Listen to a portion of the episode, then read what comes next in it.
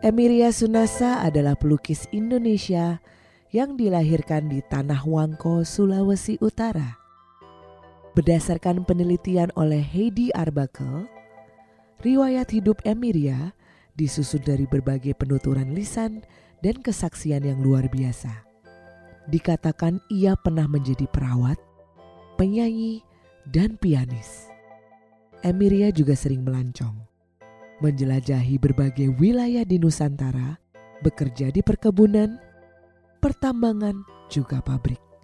Diduga ia pun pernah hidup bersama kelompok masyarakat adat di Papua, Dayak di Kalimantan, dan Kubu di Sumatera Selatan. Emiria mulai melukis di usia 46 tahun.